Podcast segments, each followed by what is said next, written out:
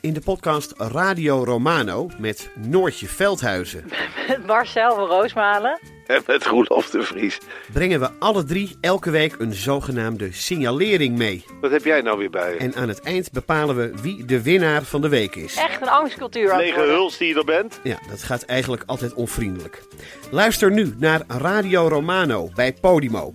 Via podimo.nl slash Radio Romano luister je 30 dagen gratis. Kijk, het gesprek begon ogenschijnlijk over het onrecht dat mensen wordt aangedaan als er zo'n vernietigende recensie wordt geschreven. En wat dat met mensen doet. Ja. Daar leek het gesprek over te gaan. Maar gaandeweg, en dat is dankzij goed redactiewerk van mijn eh, redacteur destijds, blijkt dat die test niet deugt. Via podimo.nl slash gonzo luister je de eerste 30 dagen gratis naar Podimo. podimo.nl slash gonzo. Ik ben blij te kunnen melden dat een zeer ervaren persoon bereid is gevonden om deze functie voor de komende drie maanden eh, te gaan vervullen als tijdelijk minister voor Medische Zorg, namelijk Martin van Rijn. We kennen hem natuurlijk als staatssecretaris in het vorige kabinet. Hij zal voor de duur van drie maanden eh, als tijdelijk minister voor Medische Zorg eh, ons team komen versterken. Hij doet het op persoonlijke titel. Ik heb niet gekozen voor een PvdA. Ik heb gekozen voor iemand die meteen beschikbaar is. Die het ministerie kent, waar ik persoonlijk enorm vertrouwen in heb. Uh, ik heb natuurlijk vijf jaar lang met Martin van Rijn samengewerkt. En hij uh, behoorde uh, tot de beste leden van het vorige kabinet wat mij betreft. en deze crisis is zo groot dat partijkleur even niet interessant is. Dit is Betrouwbare Bronnen met Jaap Jansen.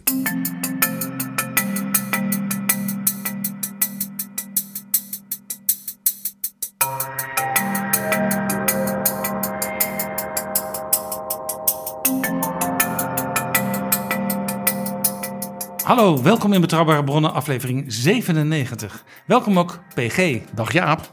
PG, we hebben iets heel bijzonders gezien. Er is een minister aangetreden, de opvolger van Bruno Bruins. Die wij het allerbeste wensen. We wensen hem het allerbeste. De minister van Medische Zorg was hij. Want we hadden eh, sinds dit kabinet aantrad twee ministers op volksgezondheid, welzijn en sport. De eerste is natuurlijk uh, Hugo de Jonge, die ook de vicepremier is voor het CDA. Minister van.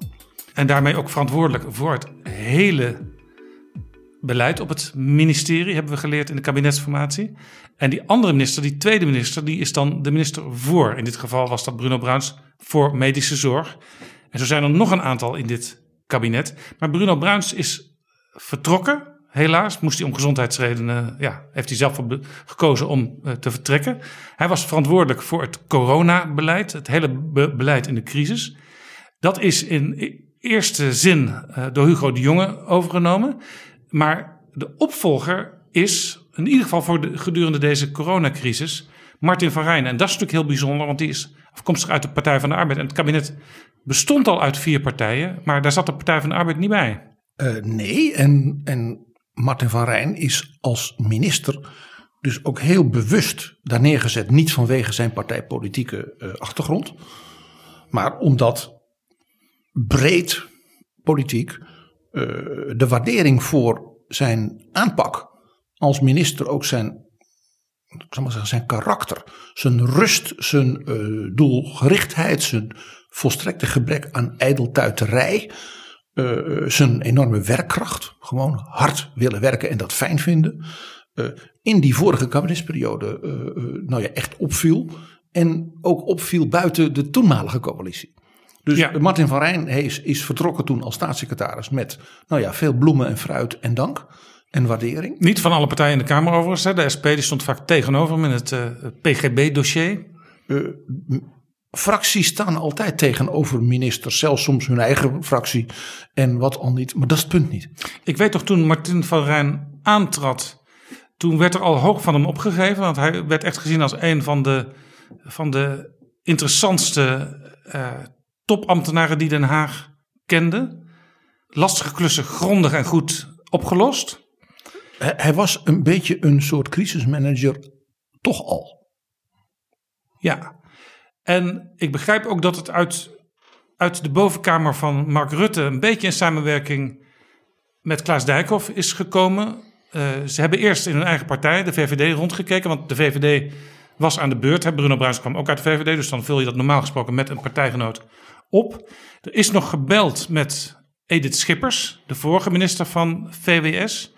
Maar ja, die was pas sinds uh, twee, drie jaar bij DSM aan het werk. En ja, zo snel vertrek je dan ook weer niet. Want dat is ook een hele belangrijke positie in de Nederlandse samenleving. En dus dacht Rutte, hey, ik ken die Van Rijn nog. Die is nu bestuursvoorzitter van de Haga groep, een aantal ziekenhuizen in de regio Den Haag. En blijkbaar is, ben je in zo'n positie makkelijk te vervangen, want uh, diezelfde dag nog, toen bleek dus dat Edith Schippers niet beschikbaar was, uh, zei Martin van Rijn ja. Ook nog een klein beetje op de achtergrond waren er gesprekken geweest met Lodewijk Asscher, de leider van de Partij van de Arbeid, of dat allemaal uh, acceptabel was en of er een modus gevonden kon worden waarbinnen Martin van Rijn dan als een soort minister op eigen titel aan dit kabinet kon worden toegevoegd. En dat kon. Er is wel een raar soort constructie gekozen waarvan ik denk, hoe gaat dat als het, als het echt eens aan de orde zou kunnen komen, staatsrechtelijk? Want als er echt politieke discussies ontstaan over het totaal van het beleid, dan zal het niet door Martin van Rijn gebeuren. Maar ja, dat kun je natuurlijk nooit helemaal voorkomen, denk ik. Nee, maar uh, zijn opdracht is heel helder, uh, is uh, tijdgebonden. en Martin van Rijn zal er helemaal geen behoefte aan hebben. Dat zit ook niet zo in hem. Om in de ministerraad grootse vergezichten te schetsen over hoe hij vindt dat Ank Bijleveld de toekomst van de NATO moet invullen. Was het niet verstandiger geweest, omdat hij toch alleen maar voor deze crisistijd benoemd is, om hem dan ook maar meteen de eerstverantwoordelijke te maken, wat nu Hugo de Jonge doet? Nee. Want? Omdat je dan wel partijpolitieke spanningen zou inbouwen. Zoals we deze week en ook de, de vorige week hebben gezien in de Tweede Kamer, toch debatten waarin het er soms fel aan toe kan gaan.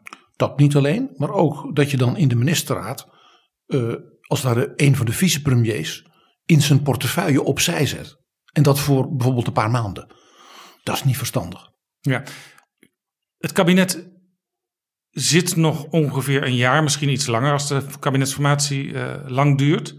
Kun jij het je voorstellen dat Van Rijn straks gewoon blijft zitten? Want het is toch misschien raar als die coronacrisis misschien een half jaar duurt. Dan voor dat laatste half jaar nog even wel iemand uit de VVD daar neer te zetten. Oh Jaap, ik kan mij altijd alles voorstellen. Ik hou mij hierbij aan een, een groot staatsrechtgeleerde van de Radboud Universiteit van vroeger, professor Duinstee. Uh, is vaak adviseur in kabinetsformatie, is ook zelf informateur geweest. En van hem komt de prachtige uitspraak: het staatsrecht groeit met de dag. Frans Duinstee, ik weet dat hij hele dikke boeken schreef over staatsrecht. Maar dat hij ook een column in de Telegraaf had een tijdje. Dus hij was van alle markten thuis. Hij was van alle markten thuis. Ik heb als heel jong broekje, uh, als medewerker in de Tweede Kamer, uh, een aantal vergaderingen met hem bij mogen wonen, ook als notulist. Uh, dan adviseerde hij de, de commissie onderwijs van de toen gloednieuwe CDA-fractie. Hij deed dat natuurlijk al 30 jaar daarvoor voor de KVP. En hij kwam dan, en dat ging met name om hoe gaan we in dat kabinet van acht Wiegel, de minister, dat was Arie Pijs van de VVD, van repliek dienen op zijn beleid ten aanzien van dus universiteiten en hogescholen. Uh, en professor Duinstee, die, dat zijn van die dingen, dat vergeet je dan nooit meer, vandaar dat het nu ineens in mijn hoofd schiet. die als dan uh, zeg maar het zo halverwege het gesprek was en zijn ergernis, en om geen andere woorden te gebruiken, over Arie Pais, uh, zeg maar, bezit van hem nam, dan gebeurden er twee dingen. Hij begon te stotteren van woede. Dat, dat, dat, dat, dat mannetje, dat mannetje. En hij had dan altijd een klein pilletje nodig voor zijn hart. Het komische is, je zegt dat mannetje. er was een fictief dagboek van Dries van Acht in Vrij Nederland, geschreven door Rinus Ferdinandussen. En daar had de fictieve Dries het ook altijd over Manneke Pais. En zo werd hij ook echt genoemd. Ferdinandussen was, ik vermoed via Max van Wezel, perfect geïnformeerd. ja. Perfect geïnformeerd. Het Manneke Pais. Ja. En om het helemaal af te maken. En, en, en Duinstee was natuurlijk een collega van Van Acht geweest aan de universiteit. Die kenden elkaar zeer goed. Ja, en die hadden waarschijnlijk op zondag uh, belcontact. Uh, met Madeleine Leijten erbij, ja. Ja, en Duinstee, als ik me heel goed herinner, maar ik was toen nog heel klein. was een, een man met zo'n beetje zo'n zo'n grijzige snor en een dikke bril. Ja. Ik, ik zie hem nu letterlijk, eh, hè, als ik mijn ogen sluit, aan die tafel zitten. En dan dat pilletje pakken, omdat hij dan last van zijn hart kreeg als hij aan minister Pais dacht. Maar hij Dat- je, toen- je, je bent een, Ja. Jaap, je bent dan begin twintig en dat zijn dingen dat, dat je denkt van. Dus hebben ook de emotie, de heftigheid, de, ook het gevoel van zo iemand. Dat was niet zomaar iemand natuurlijk, hè, als hoogleraar. Dat het bij hem ook echt, het gaat echt om waar het om gaat. Maar gelukkig bleef het hart nog lang kloppen van eh, professor Duinsteen. Jawel, jawel. Ja. Eh, je- ja, je, je begrijpt, we zijn nu ook al meteen dus in de parlementaire historie gedoken. De nieuwe positie van Martin van Rijn. En alles wat jij daar ook omheen schetste van dat dat toch eigenlijk wel wat apart is. En misschien ook, weet je, hè, Neuland zouden de Duitsers zeggen. Nou ja, ik ben, ik, ik, ik, wat ik heel leuk vind de laatste jaren zijn al die minderheidskabinetten die toch op een andere manier met het parlement moeten omgaan dan in het verleden, waar je soms echt blokken had, regeringspartijen versus oppositiepartijen, en daar gebeurde eigenlijk nooit iets heel spannends. Maar nu is het elke keer toch weer zoeken en vernieuwen in hoe je, dat, hoe je dingen aanpakt. En daar vind ik dit ook een mooi voorbeeld van. Nou ja, het, geeft aan dat er dus sprake is van ruimte voor flexibiliteit. En de reacties in het begin waren zoals wel vaker. Dit was iets unieks. Dit was nog nooit gebeurd. En Jaap, toen riep ik al tegen jou, oh nee. Dus toen dachten wij, hier gaan we betrouwbare bronnen aan wijden. Want ja, het is heel bijzonder. Eh, eh, zoals ook de situatie waar we nu in zijn, bijzonder is. Maar zo'n ministerspost is helemaal niet zo bijzonder. De, zullen we eens de geschiedenis induiken over, zeg maar, Martin van Rijn-achtige ministers, bewindslieden met bijzondere taken, crisissituaties en dergelijke in het verleden. Ja, en gaan we dan gewoon chronologisch te werk? Zullen we dat maar doen? Laten we dat maar doen, ja.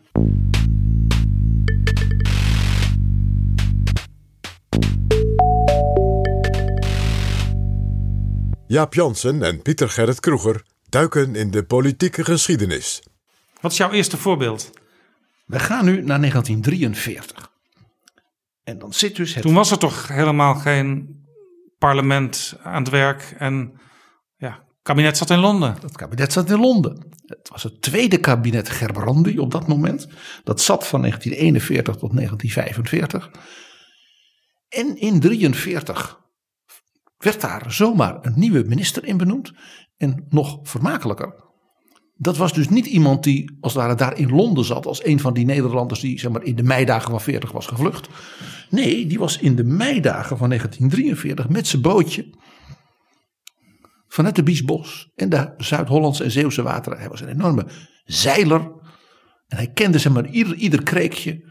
En was zo met gevaar voor eigen leven en zelfs onderweg nog bestookt door Duitse schepen. Toch veilig in Engeland aangekomen. Helemaal in zijn eentje in zijn boot? Nee, hij was ingehuurd voor, door het verzet om iets van tien Indische jongens, eh, die dus als eh, ja, knilmilitairen en dergelijke dus waren opgepakt. En ja, die zaten dus in, in kampen. Eh, om die naar Engeland te krijgen. Zodat ze dan misschien ook weer daar ja, konden meehelpen. En misschien ook ooit hoopten natuurlijk terug te kunnen. Eh daar zat zelfs bij een Nieuw-Zeelandse soldaat bij. Die als marconist had gewerkt. Eh, ik vermoed, kan het niet helemaal nagaan. eh, misschien wel met, in, met een Engels vliegtuig was neergestort. En die was als het ware dan ook maar meegegaan. Ja, maar in feite dus hele nuttige jonge mannen Ja. die goed werk konden gaan doen. Nou ja, die vooral, eh, laat ik zeggen, weg wilden uit dat bezette Nederland. Want ja, het waren En heb je de naam al genoemd van deze bijzondere zeiler? Jaap Burger. Jaap Burger. Ik ken de naam uit de formatie van het kabinet Den Uyl. Juist. Toen heeft hij hele bijzondere dingen gedaan. Dat ging natuurlijk niet goed tussen de latere CDA-partijen en wat toen genoemd werd de progressieven. Hij was een Partij van de Arbeid man. De SDAP was inmiddels door de Partij van de Arbeid opgevolgd. Hij was tien jaar lang de fractievoorzitter van die partij in de Tweede Kamer geweest. En in hij- de jaren hij 50, verstond- begin jaren 60. En hij verstond de kunst in die kabinetsformatie, dus in 1973, om op een hele botte manier soms mensen over de streep te trekken. Hij ging gewoon ministers individueel uit christelijke kringen vragen of ze tot zo'n kabinet wilden toetreden. En een aantal kreeg hij zover om dat te doen, waardoor die CDA-partijen voor het blok kwamen te staan. Die aanpak van uh, Ja Burger was dermate ongebruikelijk. Uh, ook zo idiosyncratisch. Dat was echt, had met zijn persoonlijkheid te maken. Dat hij de brieven die hij aan die fracties schreef, maar ook aan die individuele potentiële ministers, die zijn na die kabinetsformatie in een boekje gebundeld. Want hij kon dus erg goed schrijven en dat was heel, heel opvallend en ongebruikelijk. En, en dat boekje dat werd genoemd Gedogen gaat van Aal. En dat gedogen dat sloeg dan op de Christen-Democraten die eigenlijk maar moesten toestaan dat dat kabinet Den Uyl met hun steun er kwam. Ja, en met dus ministers uit hun kring die ze niet zelf, als het ware, uh, vooraf toestemming hadden gegeven. Dus een heel ongebruikelijke gedoogconstructie. Ja, en die man die ging dus op zijn bootje in 1943 de zee over naar Londen. En redde dus die jongens uit Indië en die Nieuw-Zeelander. Uh, ondanks dat ze dus door Duitse patrouilleboten onderweg zijn beschoten. En ze zijn eigenlijk heel snel, want hij kon dus echt heel goed nou ja, zeilen met zo'n boot. Dus hij is in een relatief snelle periode ook dat gevaar geweken. En ze zijn dus allemaal levend aangekomen in Londen. En hoe kan het dan dat zo'n man kort daarna plotseling tot minister wordt genoemd van een kabinet wat eigenlijk niet op een normale manier functioneert? Zo'n man komt in Londen aan. En wordt dus als verzetsheld en avonturier voorgesteld aan koningin Wilhelmina. Want die ontving iedere Nederlander die als het ware uh, met gevaar voor eigen leven dus uit het vaderland was gevlucht uh, op de thee. En daar kwam dus ook Ja Burger. En Wilhelmina had een soort, hoe moet ik dat zeggen, een soort wat naïef soort heroïek verering. Dus zij, Ja Burger was het soort jongeman ja, waar zij van dachten, zo zijn alle Nederlanders. He, de, zo de, het ideaal van een verzetsheld eh, die gewoon, uh, kan me niet schelen, ik doe dat gewoon met mijn bootje. En die tien jongens heeft uit Indië, die had het leven dus gered. En daarmee, die kon ook weer strijden voor de goede zaak. En Wilhelmina's romantische, mag ik zeggen, wat, die Russisch-romantische aard uit de 19e eeuw van haar, die werd dus door deze advocaat uit Dordrecht, wat was hij, als we dus enorm wakker gemaakt. En zij heeft er dus persoonlijk voor gezorgd, zet hem in de ministerraad, zo'n jong iemand van het verzet, een goede vaderlander. Nou, hij was dus, ja, Burger was een soort belichaming van iets wat wij in onze vorige editie hadden. Het romantische, ook bijna religieuze, nee niet bijna, gewoon diep religieuze geloof van Wilhelmina in wat zij noemde de eindoverwinning. Die werd belichaamd door mensen als Ja Burger. Hè, die zo dapper waren en zo hè, heroïs in haar ogen. En ze genoemde dus, Nederland ook een heldenvolk. Ja, en, en, zij beschouwde het dus als iemand die op haar pad uh, gezonden werd. Absoluut. En zo kwam Ja Burger in het kabinet. En hij kreeg toen een hele aparte post. Hij werd minister belast met het terugkeerbeleid. Let op, die titel. Minister belast met het terugkeerbeleid. Mei 1943. Dus dat is een maand of wat na de nederlaag van de nazi-troepen in Stalingrad. Dat is dus dat het moment dat de Amerikaanse troepen in Noord-Afrika ja, oprukken hè, naar Tunesië. Uh, dat de Britten bij El Alamein hè, rommel verslaan. En dus dat, dat hele, die hele zuidkant van de Middellandse Zee ineens in geallieerde handen komt. En dus het duidelijk is dat er vervolgens men, ging men Sicilië veroveren. Dus aan die onderkant ja, gingen ze eraan. En aan het oostfront, al zou het natuurlijk nog heel lang duren, hè, laten we niet zeggen. Maar het was duidelijk, de kansen waren gekeerd voor de nazi's. En ook de Japanners werden door de Amerikanen nu ja, dus eiland voor eiland uh, teruggemapt. En Wilhelmina dacht het is nu tijd om zo'n minister in te stellen, een minister voor het terugkeerbeleid. Dus de expressie van haar dus onwrikbaar geloof waarvan ze dacht, zie je wel, onze lieve Heer doet dat, hè, zoals ze dat geloofde, zoals ik het met Willem de Zwijger ook had gedaan. Wij gaan terugkeren en we gaan dus nu al ja, fluitend in het donker een terugkeer, logistiek. Hoe gaan we dat doen? Hoe gaan we Nederland dan regeren? Wat gaan we doen?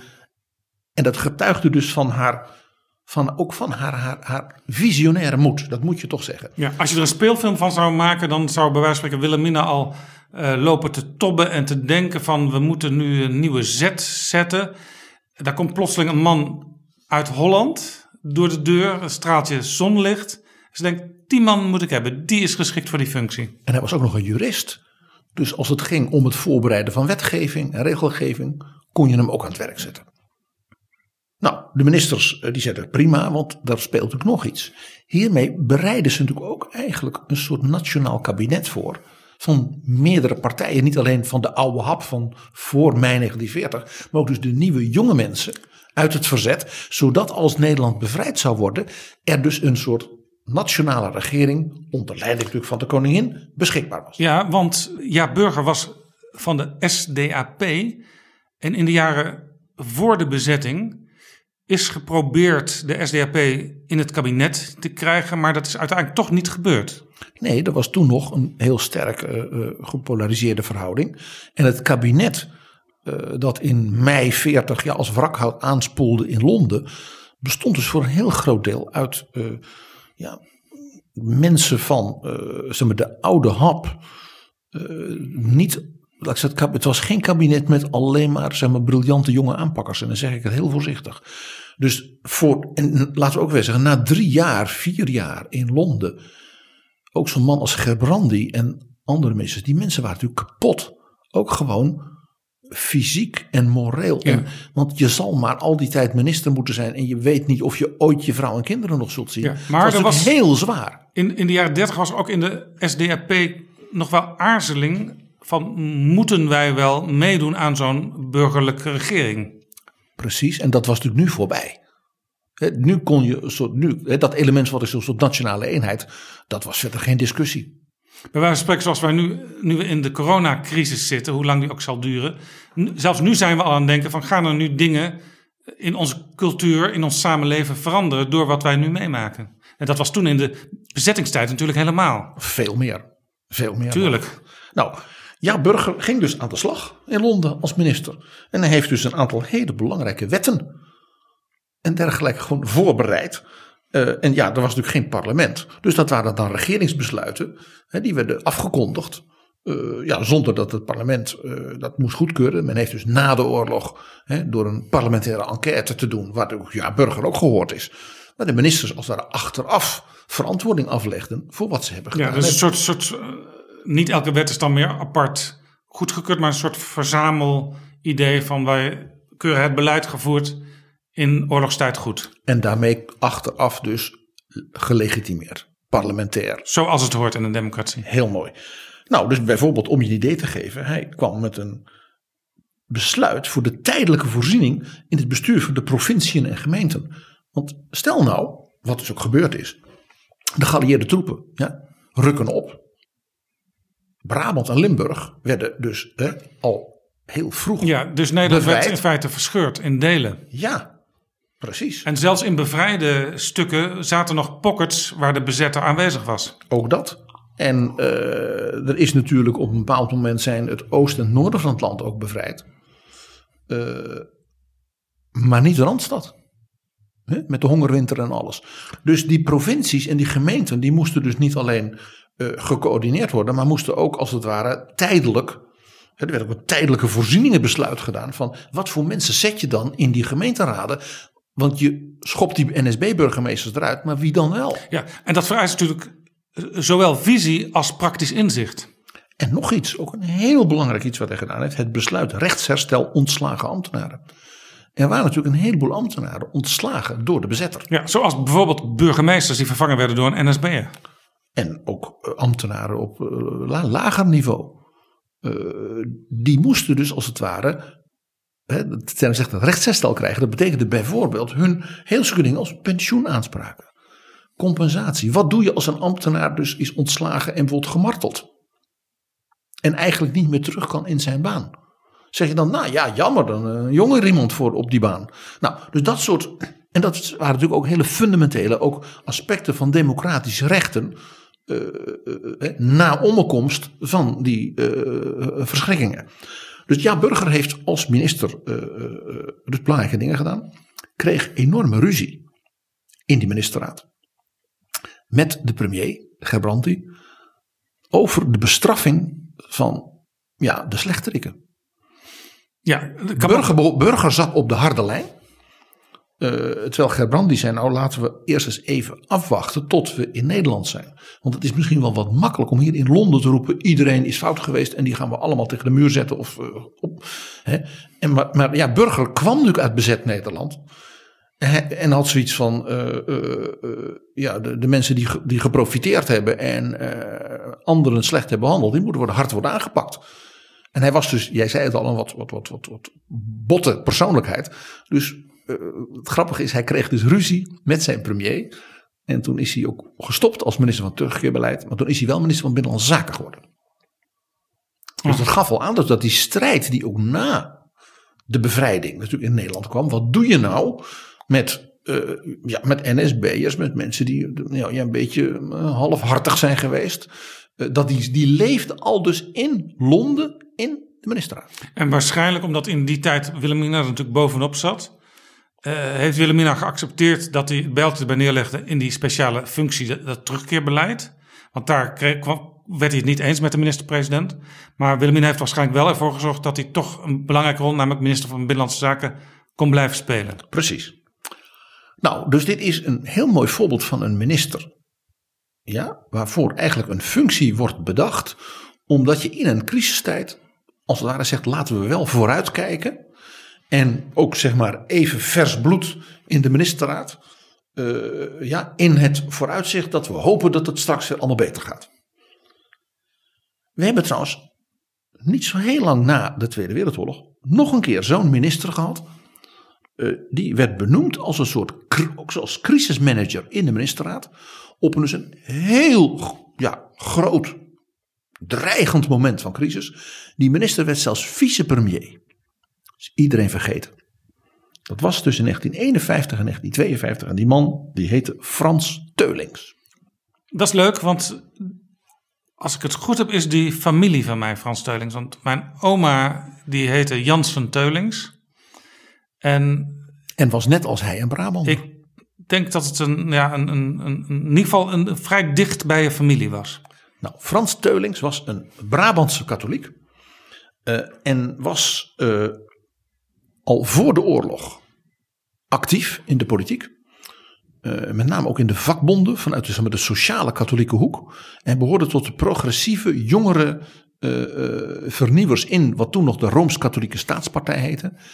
En om die reden is hij vlak voor de oorlog zeg maar, gesneuveld bij zijn kandidatuur om partijvoorzitter te worden. Eh, omdat de oude hap eh, zo'n jonge vakbondsman toch wel een beetje te wild vond. Ja, even voor de hele jonge luisteraars, want je denkt misschien katholieke vakbond. Eh, maar ja, die waren er vroeger in de tijd van de verzuiling. En die katholieke vakbond is uiteindelijk opgegaan in de FNV van onder andere Wim Kok natuurlijk.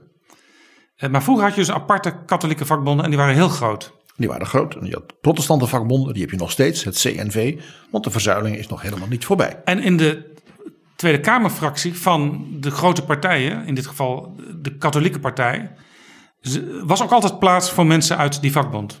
En de middenstandsclub en de boeren en het onderwijs. En zo ging dat. Ja. Nou, En- Deze man werd dus als jonge vent eh, gekandideerd eh, als partijvoorzitter. Eh, maar nou ja, op het laatste moment heeft hij zijn kandidatuur teruggetrokken. Omdat hij merkte dat hij te omstreden was. Eh, en na de oorlog eh, werd hij dus weer heel actief. Zelfs zo actief dat hij meteen na de bevrijding werd hij de fractievoorzitter in de nieuwe Tweede Kamer van de opvolgerspartij van die katholieke staatspartij, de katholieke volkspartij, de KVP. Ja. Dus hij was toen een belangrijke, voor die tijd dus nog jonge politicus. Ja, en, en meteen dus ook een hele prominente rol. Want fractieleider was echt. Dan was je in feite de politiek leider in de praktijk. sterker nog, het was de grootste partij in de Kamer. Dus, belangrijk man. Eh, Die werd al vrij snel daarna ook minister van Binnenlandse Zaken in uh, zo'n coalitiekabinet, wat men noemde Rooms-Rood. Met Drees als premier en Schaik van Schaik als katholieke leider. Die vormde het kabinet Drees van Schaik, werd dat genoemd.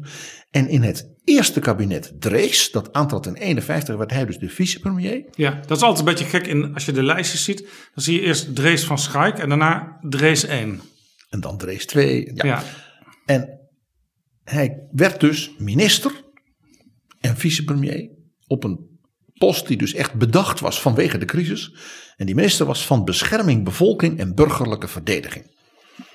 En dan denk je, waarom crisismanager? Nou. Dat had te maken met de bom. De Koreaoorlog. Precies. En de dreiging vanuit het oosten.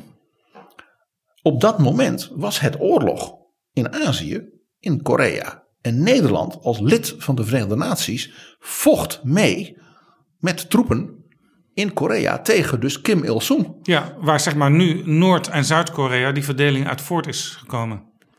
De opa van Kim Jong-un, Kim Il-sung, werd toen bestreden onder andere door Nederlandse troepen. Ja, zeg maar waar in de jaren 60, 70 de Vietnamoorlog uh, de journaals vulde, was in de jaren 50 die Korea-oorlog heel belangrijk.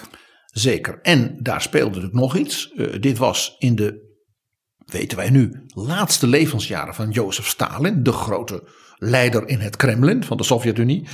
En die was in die periode begon hij een beetje gaga te worden, zal ik maar zeggen. En hij werd nog paranoïder dan hij altijd al was. Dus men was in het Westen buitengewoon bevreesd dat de Sovjet-Unie uh, de Korea-oorlog ook zou aangrijpen om in West-Europa druk uit te oefenen. Bijvoorbeeld op Berlijn, op Duitsland en wellicht zelfs met dat er een atoomoorlog zou komen. Ja, want in de internationale wereld is niks gevaarlijker dan onvoorspelbaarheid. Zo is dat.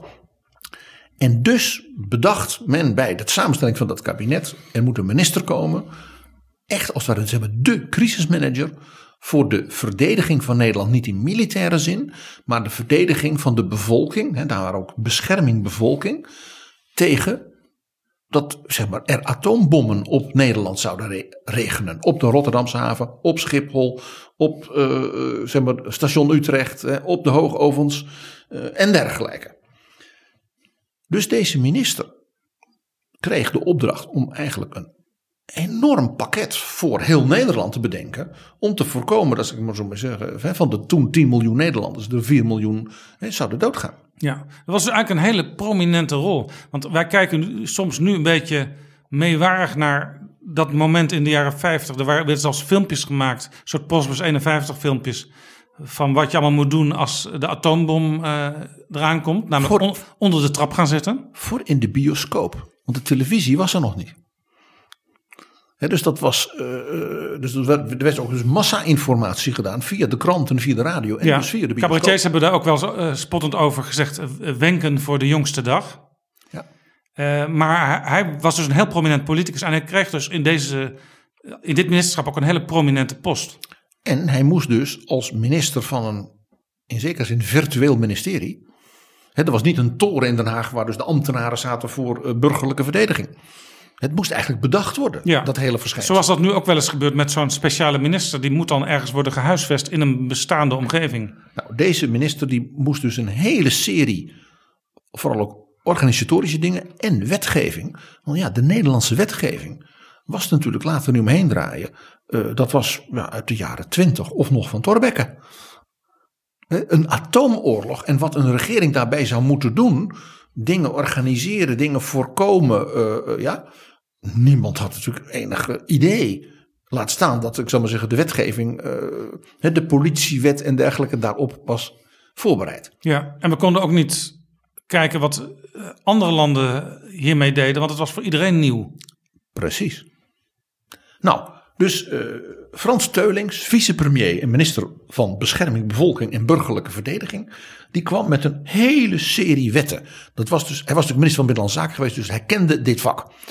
Eh, een wet op de buitengewone bevoegdheden burgerlijk gezag.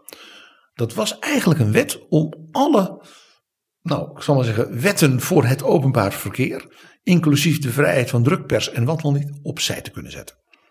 Die wet gaf hem als minister en dus de regering de mogelijkheid om voor openbare orde, rust en veiligheid, die term is uit die wet, ongeveer alles te doen wat maar nodig was, inclusief het verbod op demonstraties en vergaderingen. En dan denk je waarom? Nou, zij waren dus onder andere bang dat Stalin de communisten zou als het ware aanmoedigen tot grote demonstraties. Ik noem ze het, legt het verkeer plat. Ja. ja, want de CPN was toen, vlak na de oorlog, een belangrijke partij. Die hadden 10% van de stemmen bij verkiezingen. En in bepaalde steden veel meer dan 10%. Want die 10% haalden ze niet in katholiek eh, Limburg of in eh, protestanten eh, de Bijbelbelt. Ja, nee, maar bijvoorbeeld in Amsterdam, in Zaandam, in, in dat soort steden waren ze echt heel groot. Het noorden van het land. Zeker. Dus de regering zei: wij moeten het eventueel dus de bevoegdheden hebben om als Stalin opdracht geeft tot een soort communistische opstand of ja, stakingen dat het land wordt platgelegd, om dan in te kunnen grijpen. Ja, en de greep van Moskou was natuurlijk ook niet eh, denkbeeldig, want Moskou had vrij snel na het nazidom een deel van Oost-Europa in de klauwen gekregen. Men had eh, afspraken gemaakt hè, met de Britten en de Amerikanen over de, de bezettingszones in feite van Europa, van Duitsland, van Oostenrijk en natuurlijk ook de landen in Oost-Europa die door eh, de Sovjet-troepen waren bevrijd. Vervolgens zouden daar dan zogenaamd verkiezingen komen en zo. Nou, we weten hoe dat gegaan is in Polen. Nou, in eh, Tsjechoslowakije is er gewoon een staatsgreep gepleegd door de communistische partij. Waarbij ook de, de premier heeft zelfmoord gepleegd. Dus dat was in 1948. Dus dat was drie jaar voor dat dit gebeurde. Dus twee jaar na die staatsgreep in, Tsjechoslowakije. brak dus die, burgeroorlog, die oorlog. Twee jaar na die staatsgreep in Tsjechoslowakije. kwam dus die inval in Zuid-Korea. Dus dat het gevoel was van we moeten, we- ieder moment kan er iets verschrikkelijks gebeuren. Dat was niet helemaal merkwaardig. Nee. Nou, minister Teunis kwam dus met een heleboel re- regels. Hij heeft bijvoorbeeld wetten gemaakt, ook om de logistiek tijdens zo'n atoomoorlog te kunnen regelen. Dus er kwam een wet op de noodwachten. Er kwam een, wat ik zelf een hele mooie vind, wet ter verzekering van beschikbaarheid van goederen in oorlogsgevaar. Want hij zei, Is dat wat, wat ze nu een vorderingswet zouden noemen? ja, hij zei, hoe zorgen we ervoor dat als er, eh, nou, als de Rotterdamse haven hè, met een atoombom kapot is. Hoe zorg je dat de mensen in Rotterdam nog eten krijgen? Dus er was een enorm, ja, het was een enorm pakket waarbij je eigenlijk het onmogelijke moest proberen te bedenken. Het ondenkbare mogelijk denken. Nou, zo werd er dus eh, de hele mogelijke evacuatie van hele steden. Wie gaat dat regisseren? Doet de burgemeester dat? Doet de commissaris van de koningin dat? Allemaal van dat soort dingen waar nog nooit eens over nagedacht was. Dus er werd ook bedacht dat het land zou mobiele kolonnes krijgen van noodwachten van het Rijk. Die zouden worden gesteund door vrijwilligers en, en vanuit de gemeente, die door de gemeente werden georganiseerd. Dus men deed het van bovenaf, maar vooral ook heel veel van onderop. Heb je het hier ook over wat de BB heette? Ja, bescherming bevolking. Ja, precies. Dat is heel lang, dus een hele grote soort vrijwilligersorganisatie geweest. Die gingen ook oefenen af en toe? Ja, die geregisseerd werd vanuit, met name dus vanuit de gemeenten. Eh, en dat is natuurlijk in de loop van de jaren zestig is dat gewoon helemaal eh, ja, verdwenen.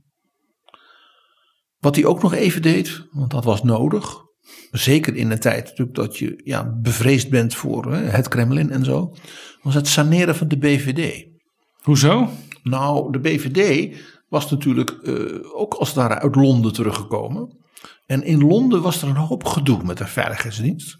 Ook door de wat merkwaardige manier waarop Wilhelmina daarmee omging. Met bepaalde vertrouwelingen in de BVD. Dus je zou kunnen zeggen, een soort hobbyisme was er ingeslopen. Ja, en nou ja, daar gingen verhalen over dat niet iedere eh, spion des, der koningin helemaal te vertrouwen was geweest. En prins Bernhard speelde natuurlijk zo'n rol. Die had zo zijn vriendjes en contacten, zullen we maar zeggen.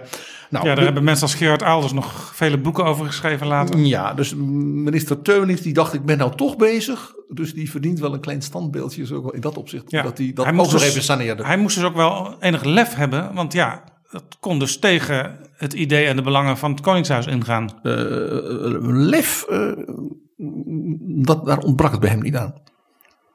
Als ik je een voorbeeld geef over zijn politieke opstelling gedurende de oorlog. Dus als relatief jonge politicus. Een heel boeiend detail over hem. Toen de bezetting begon, ontstond er vrij snel een soort gevoel in Nederland van ja, de koningin zit in Londen, de regering zit in Londen, ja. Wat moeten wij eigenlijk nog met die mensen? Wat moeten wij, en maar wat moeten wij als burgers in Nederland? Dus toen is er een soort nationale eenheidsgolf gekomen van wij gaan als het ware van onderop, typisch Nederlands. Dat, dat werd dan de Nederlandse Unie genoemd. En die zou dan, eh, eh, als ware wel de, de eensgezindheid van alle Nederlanders eh, vertegenwoordigen. Dus wel, wij willen als Nederland natuurlijk niet ondergeschoffeld worden. We willen geen naties worden. De NSB niet. Het was vooral ook bedoeld om de NSB als het ware tegen de wand te drukken.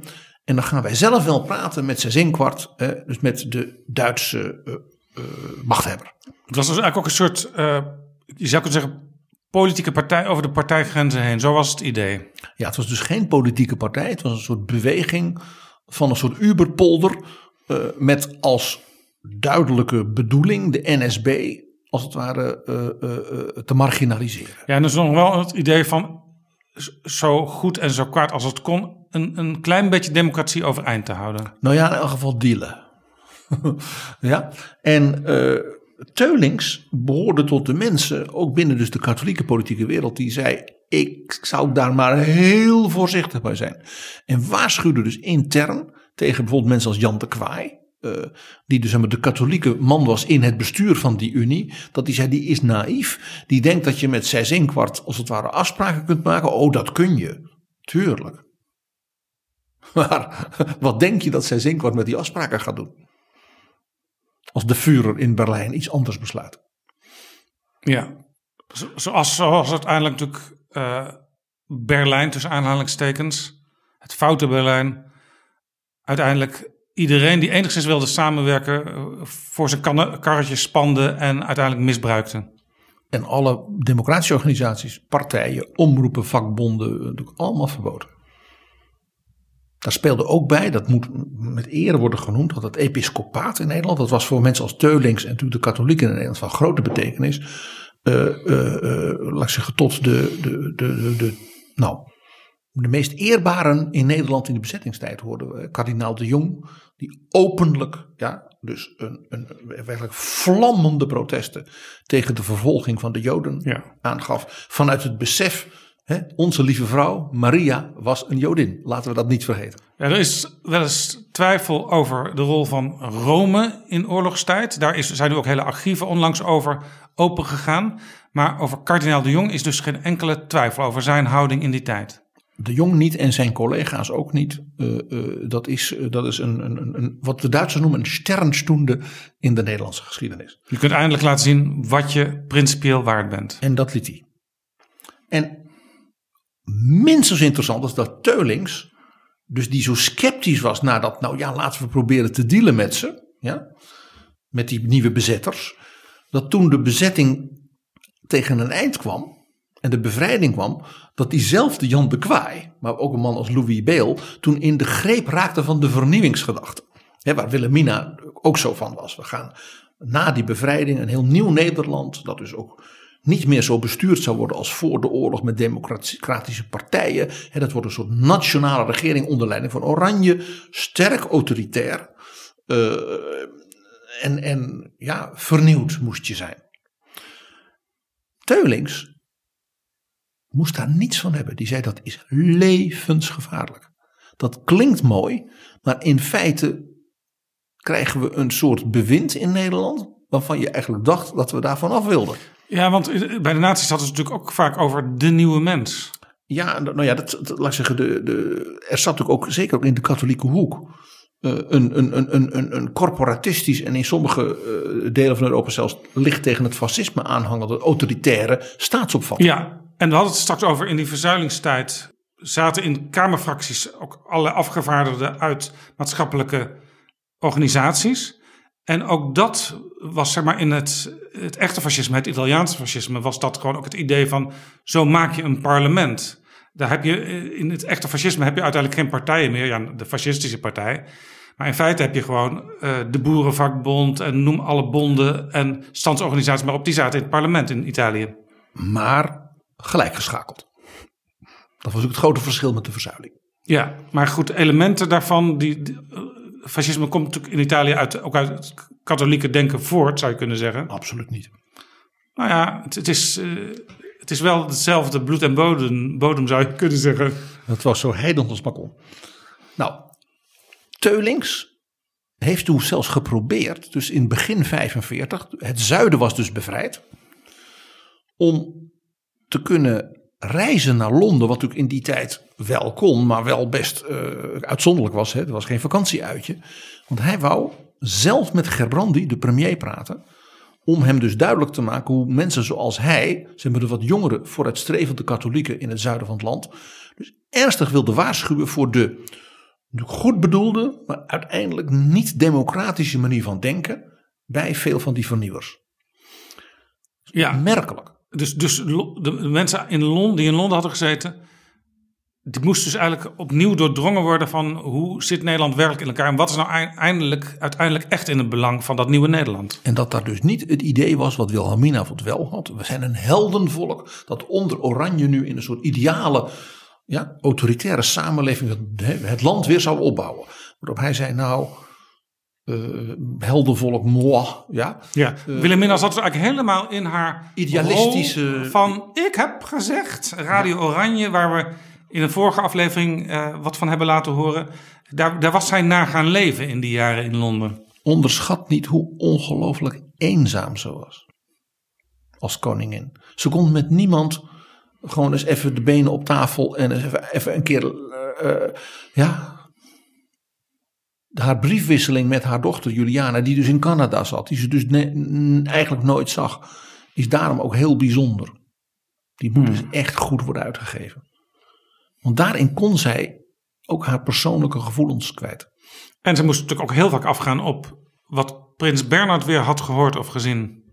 Ja, of de ministers. En, eh, Maar prins Bernhard was wel een oogappeltje van haar, dus dat Ja. was wel een belangrijke adviseur Ja. zou je kunnen zeggen. ja, ja, en meneer Van Zand. Zeg maar, die man van de BVD. Nou, wat ik al zei, eh, Teulings heeft natuurlijk niet voor niks als minister. Misschien ook wel door deze ervaring hè, eh, van, nou, ik ben wat sceptisch en kritisch naar die vernieuwers, dat hij ook die BVD maar een beetje aanpakte. Nou, kortom, we hebben hier dus een minister, zelfs een vicepremier, die dus eigenlijk het land moet klaarmaken voor een denkbare crisis, die letterlijk de mensen boven het hoofd hing, van gruwelijke omvang en ook gruwelijke denkbare consequenties. Namelijk een atoomoorlog tegen de Sovjet-Unie. En dat hele idee van die bescherming, bevolking en burgerlijke verdediging, dat is op een gegeven moment is dat een beetje in de mist verdwenen. Hè? Ja, dat is natuurlijk eh, toen die dreiging van een atoomoorlog, ja, ik zeg het maar een beetje onaardig, gewoon werd. Ja, want het gekke is, we hebben natuurlijk wel veel en veel later, namelijk in 1979, 1981, in die tijd, eh, hebben we de grote anti-kernwapendemonstraties gehad. Want toen was het ineens weer heel erg actueel. Ja, en toch was het in die tijd niet zo dat er allemaal filmpjes op de tv waren dat je in de trapgat moest gaan zitten. Ja, zo zie je maar. Maar eigenlijk zou je, als ik het heel bruut zeg, maar dat is achteraf, hè, zoals vaak in historie vaak, na de Cuba-crisis in 62, was het idee van, er kan zomaar ieder moment eh, eh, eh, zeg maar een bom vallen op de Rotterdamse haven op Schiphol, was een beetje weg. Ja, het was natuurlijk ook zo, Stalin was opgevolgd door anderen. Er was een soort status quo gekomen. In het Westen hadden we natuurlijk nog steeds heel erg het idee van het is allemaal volstrekt onterecht wat daar in het Oostblok gebeurt. Maar het is nu eenmaal zo, we kunnen er niks aan doen en ja, don't rock the boat. er ontstond toch een soort détente. Zo eigenlijk wat men, wat Khrushchev, hè, de Sovjetleider, noemde vreedzame coexistentie. Ja, En dat zorgde dus dat die, ja, die dreiging van die paranoïde eh, Stalin en, en, en, en dat, dat dat wegzakte. ja. en bij de CPN hadden ze trouwens moeite in eerste instantie met eh, Khrushchev als nieuwe chef. Want die ging natuurlijk op een bepaald moment ook eh, de hele doopstil van Stalin lichten. En eh, toen werd duidelijk dat Stalin eh, niet de geweldige leider was eh, waar hij altijd voor was versleten. En de CPN had een krant die heette De Waarheid, Pravda. En daar stond op een gegeven moment op de voorpagina niet Khrushchev, maar Knoeishev. Ja, de CPN was dol op Stalin. Was diep Stalinistisch. ook na Stalins dood.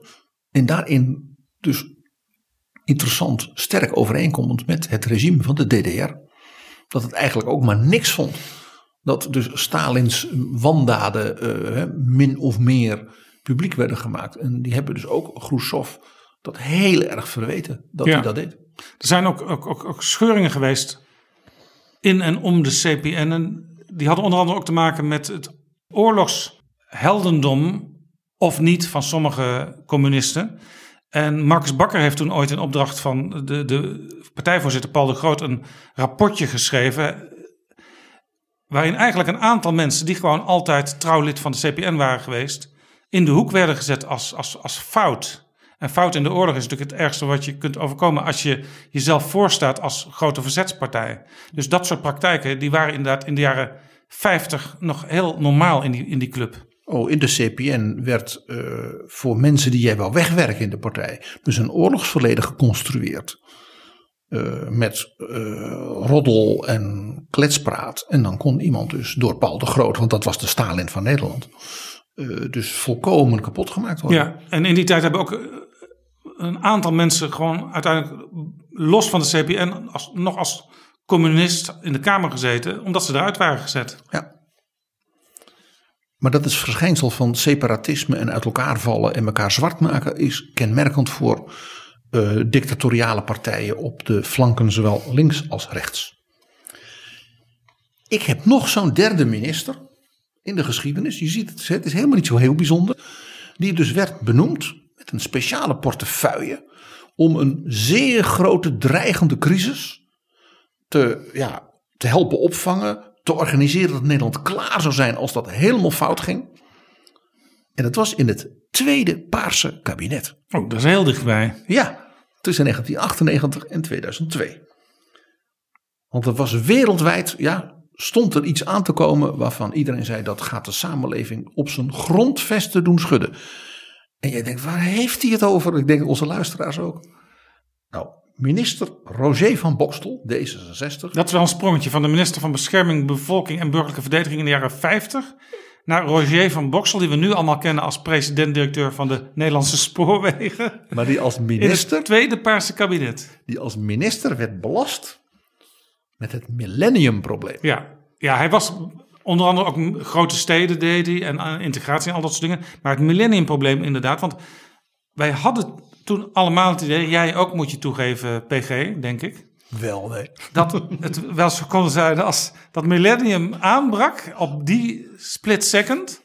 Dat dan alle computers zouden vastlopen en misschien zelfs wel helemaal meltdown zouden hebben. En niemand meer kon pinnen en dat alle banken al hun Ik weet geld het, kwijt want je waren. moest van tevoren, de dagen daarvoor, moest je bankbiljetten uit de muur halen. Want die had je misschien straks niet meer beschikbaar voor een lange tijd. Wat heeft die Roger van Bokstel allemaal op zijn geweten? Er was zelfs een crisisteam wat in die nacht van oud opnieuw bijeen was ergens in Den Haag.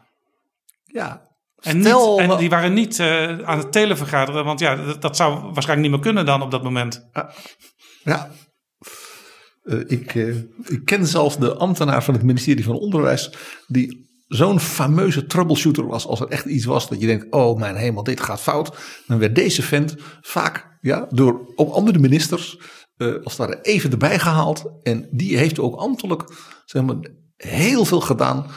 En die wist eigenlijk al vrij van tevoren: van ik maak me niet zo druk. Want dit, dat hele millennium, dat is, dat is gewoon een hoop. Waarschijnlijk had hij als enige van dat team eh, zijn vakantie op 1 januari geboekt. De man kennende zou het me niet verbazen, want hij had een buitengewoon eh, eh, verheugend soort nuchterheid. Maar goed, daar, daar was dus minister Roger van Bokstel was daar dag, dagelijks mee bezig met dat grote. Nou, zeker in die, dat was echt een groot vraagstuk waar hij mee bezig was. NOS 6 uur journaal. Henny Stoel.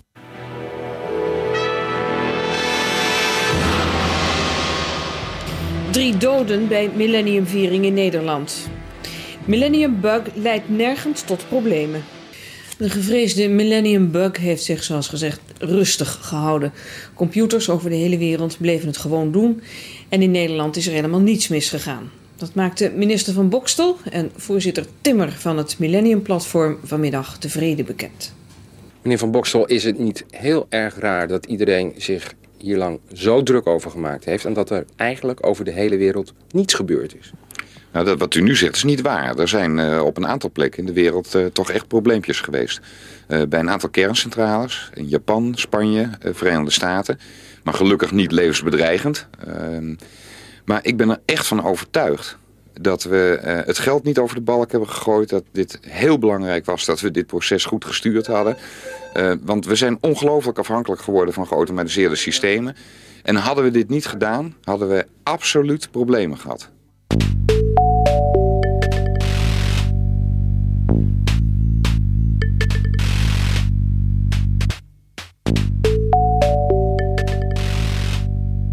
Dit is Jaap Jansen met Betrouwbare Bronnen. En ik praat met PG Kroeger over bijzondere ministers op bijzondere posten in bijzondere tijden. PG, jij wil nog een tweede variant belichten.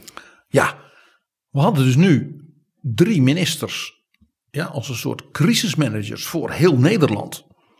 Bij een grote dreigende of uh, ja, uitdagende situatie de oorlogstijd. Ja. En ook hele nieuwe situaties waar ze nog nooit mee te maken hadden gehad. Exact. dus hoe gaan we terug uit Londen? Hoe gaan we Nederland weer democratisch regeren na de bezetting, bij de bevrijding? Hoe voorkomen we dat Stalin met atoombommen Nederland helemaal plat legt en er geen land meer is? Ja. En hoe overleven we de Millennium Bug? Ja. Dat is een tweede variant van ook ministers die je als het ware op een plek zet met wat een pakket van jij moet dit grote vraagstuk aanpakken. En dat is een vraagstuk dat kan je niet als het ware bij een ministerie alleen maar neerleggen. Van oh, we moeten iets doen in het, in het basisonderwijs, dus dat laten we de staatssecretaris voor basis- en voortgezet onderwijs doen. Nee, het is een vraagstuk dat bijvoorbeeld breed in de samenleving is, of bijvoorbeeld een nieuw thema, waar je zegt eigenlijk zou je daar wel twee, drie, vier ministeries ja, voortdurend ambtelijk met elkaar moeten laten overleggen. Moeten ze ook vooral doen. Maar zet daar nou een minister boven die dat politiek kan zeg maar, regisseren, sturen. En als daar ook het regeerakkoord dus met enige kracht kan doorzetten. En ook dat begon in datzelfde kabinet van Drees met vicepremier Teulings, weet je wel, die dus de atoomoorlog moest voorbereiden. Er kwam een speciale minister. Waarvoor kwam die minister? Die kwam voor, ik lees het even voor zo'n bijzondere titel, Publiekrechtelijke Bedrijfsorganisatie en Productiebevordering. Hoe heette die man? Guus Albrecht. Dat heb ik werkelijk nog nooit van gehoord. Van die, Hij is dus ook maar een jaar geweest. En dat ministerie was dus eigenlijk bedoeld om bij de start toen van wat wij nu de polder noemen, de Sociaal-Economische Raad, het Centraal Planbureau, dus al die nieuwe organen om dus de Nederlandse economie weer uh, uh, ja, een impuls te geven. Was eigenlijk dus zeg maar uh, een ministerie ten dienste van de wederopbouw. Want als ik het goed vertel, maar ja, ik kan het ongetwijfeld veel beter, maar ik vond het altijd een merkwaardig begrip in mijn politieke opvoeding, publiekrechtelijke bedrijfsorganisatie. Er werd dus georganiseerd per bedrijfstak afgesproken van jullie gaan huizen bouwen, jullie gaan uh, graan oogsten, ik noem maar wat. Uh, gewoon om te zorgen dat iedereen gevoed uh, en, en et cetera, et cetera werd. Ja, de publieksrechtelijke, de publiekrechtelijke bedrijfsorganisatie was een principe uit de katholieke sociale leer. En dit was eigenlijk dus dat er een minister daarvoor kwam, speciaal belasting mee, was een, een voorbeeld van dus het compromis, zeg maar rooms-rood. De vanuit de Partij van de Arbeid, we hebben het er eerder over gehad, vaak geïnspireerd door de New Deal van Roosevelt. Ja, kwam een beetje planeconomie. Kwam dus een stukje planeconomie, kwam uh, zo'n CER, zo'n Centraal Planbureau, het Centraal Bureau voor de Statistiek. Dus wetenschappelijk gegrondveste moderne economische theorieën toepassen. En ook heel interessant in die tijd, het idee dat er een soort algemene op wetenschap gebaseerde waarheid bestaat. In elk geval dat je de economie dus niet alleen maar als een soort vrijspel der maatschappelijke krachten, hè, dus een soort in liberale zin kon analyseren, maar ook wetenschappelijk, zoals de Amerikanen dat dus hadden gedaan. Hè, en Keynes natuurlijk, wat een Brit was als groot denker. En echt maar die, de brain trust van president Roosevelt, ook die van president Truman, zijn opvolger had ook zulke mensen. En dat ging men in Nederland dus ook doen. Ja. Een man als uh, Johan Witteveen, hè, de latere uh, uh, VVD-minister Economie en ook Financiën, was dus een van die briljante jonge lieden die dat toen hielp opbouwen. Ja, en dat is interessant. We hebben het uitgebreid over Johan Witteveen gehad in een van de eerdere afleveringen van Betrouwbare Bronnen. Maar dat zelfs een liberaal eigenlijk dus de boel zo wilde gaan organiseren. Waar, waar je bij een liberaal toch in eerste instantie denkt aan het vrije spel der maatschappelijke krachten.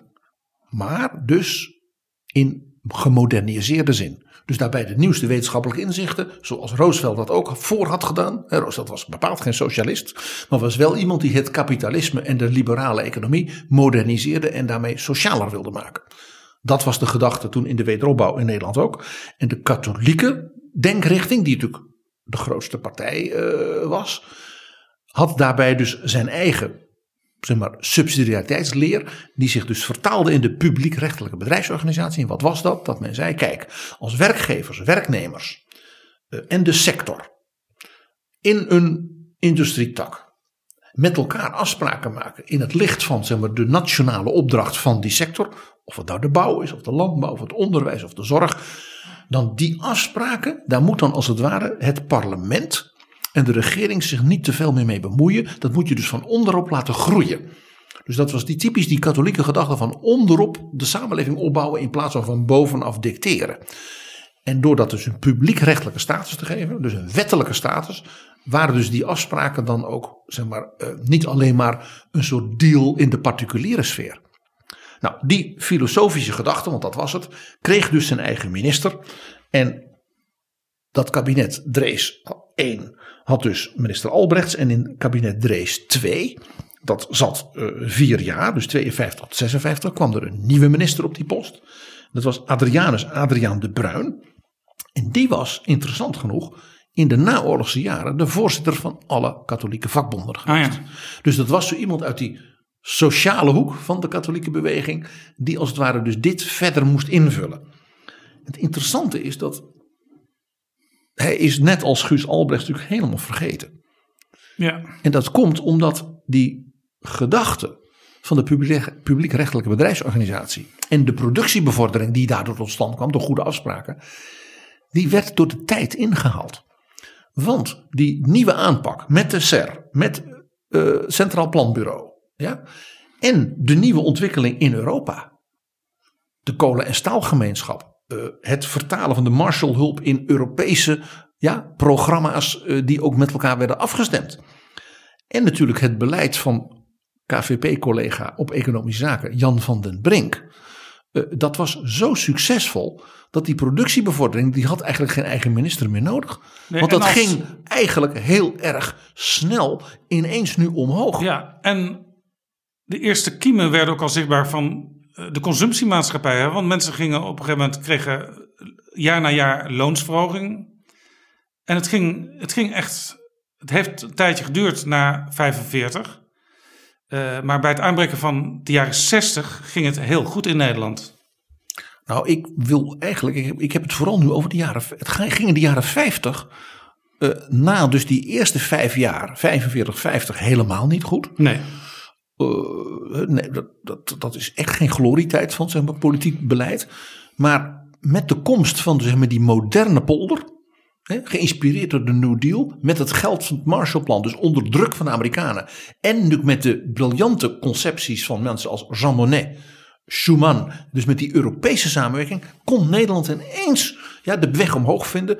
Toen werd ook ineens bijna alle rantsoenen in Nederland afgeschaft. Moet je nagaan, vijf ja, jaar na de oorlog. Dus de coördinatie was ook niet meer nodig?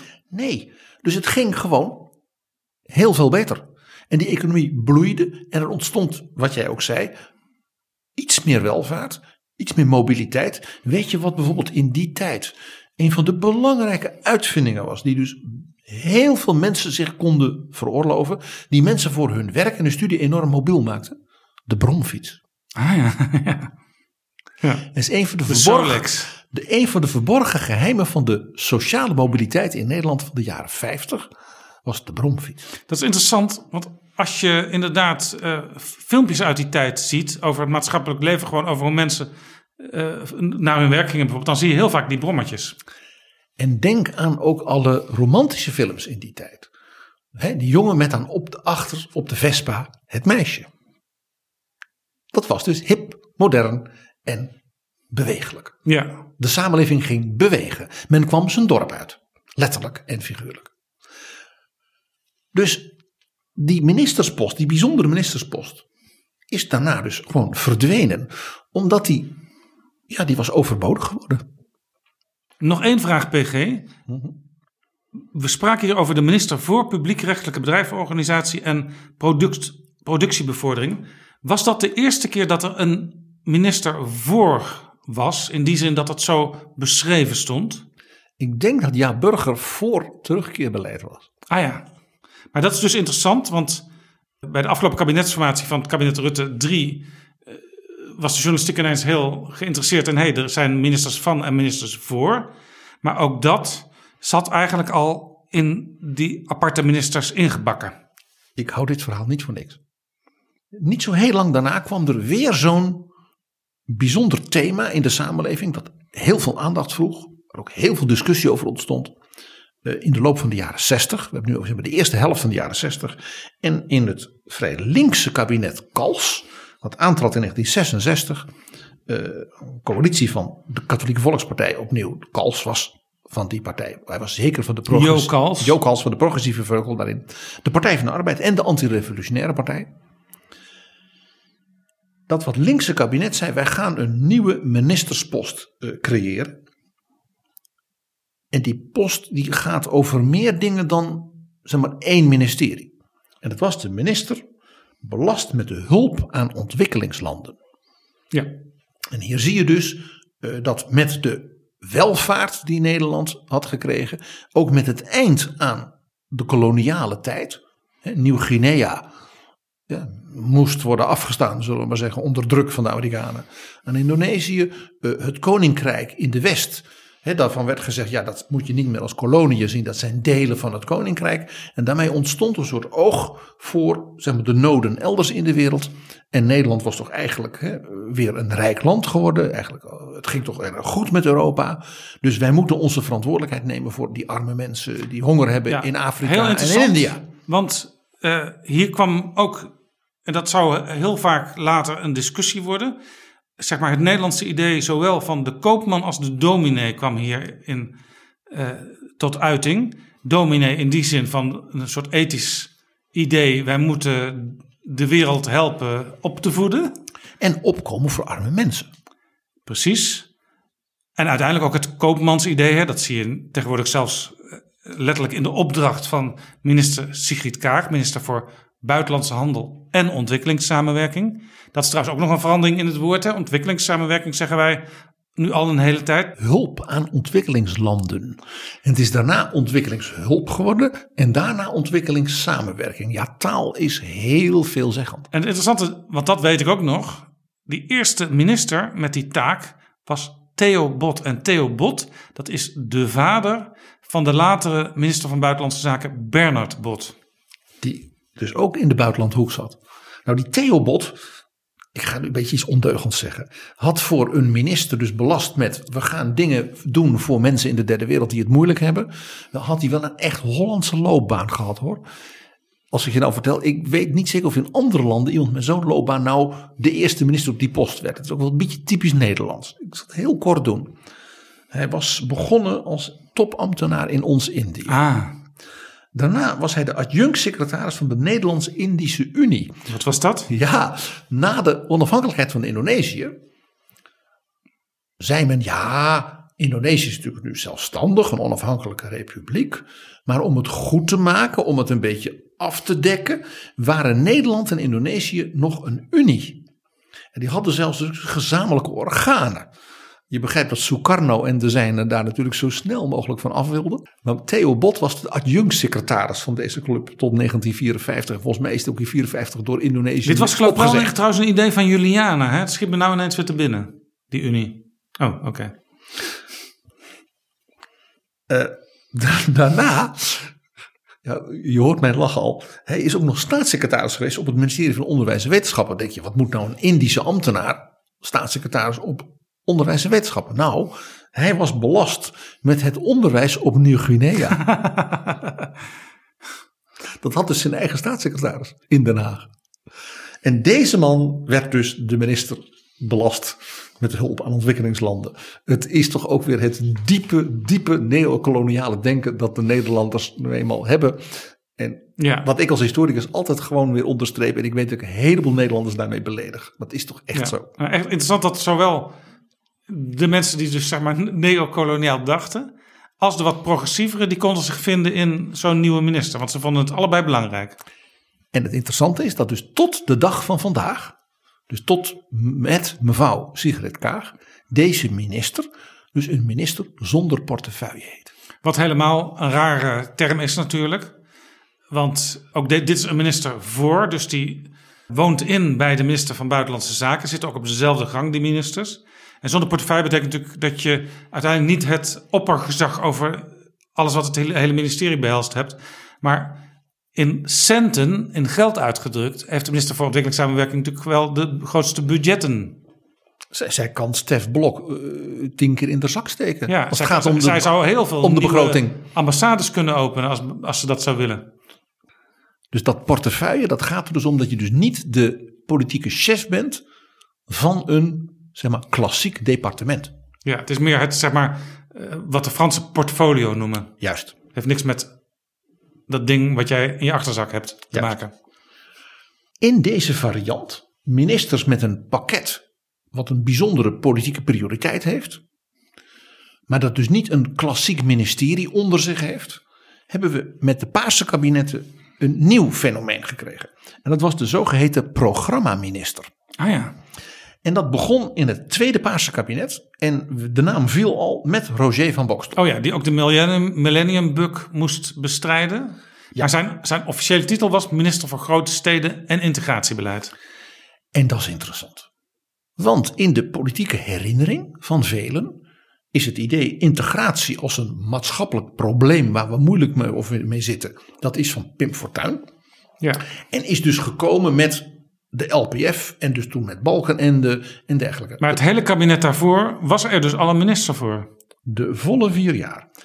En die ging dus over steden- en integratiebeleid. En dat was zo nieuw en dat was zo ja, wennen, zal ik maar zeggen, dat we, als je achteraf kijkt, moeten vaststellen dat Roger van Boksel eigenlijk weinig tot niks voor elkaar kreeg. Want men had geen idee van wat voor soort beleid het nou zou moeten zijn. Hij heeft één wel pikant eh, wetsvoorstel erdoor gekregen. En het was een aanpassing van de wet inburgering nieuwkomers. En dat was dat als nou je tijdelijk in Nederland verbleef en werkte als buitenlander, maar je was een geestelijke, dus een voorganger, Een imam bijvoorbeeld. een imam, dan kon jij toch verplicht worden tot een inburgeringstraject.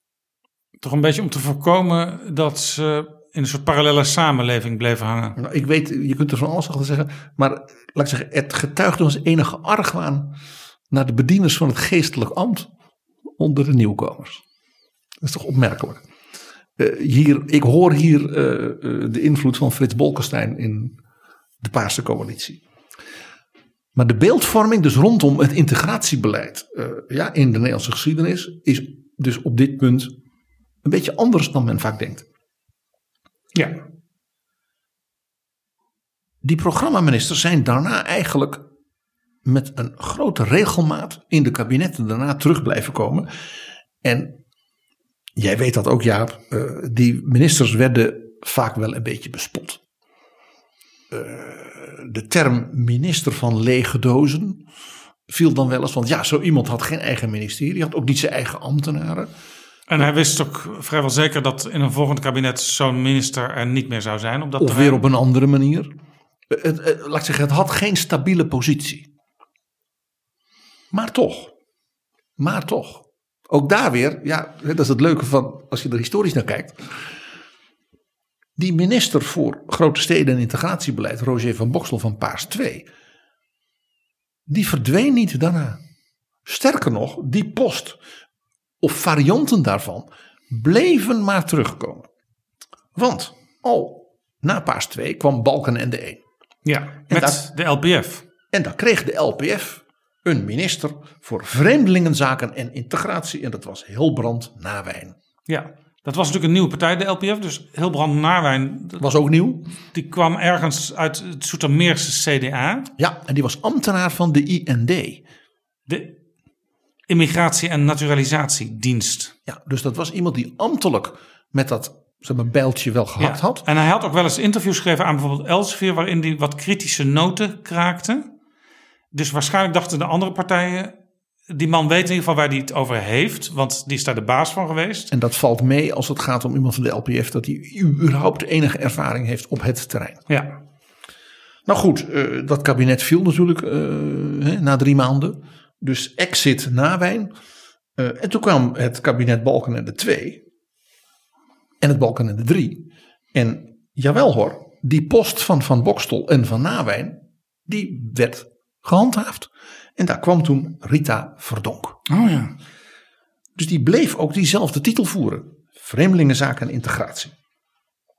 En het meest interessante van Rita Verdonk is natuurlijk dat de beeldvorming van haar als die stoere aanpakker gedurende dat ministerschap op geen enkele manier is bewaarheid.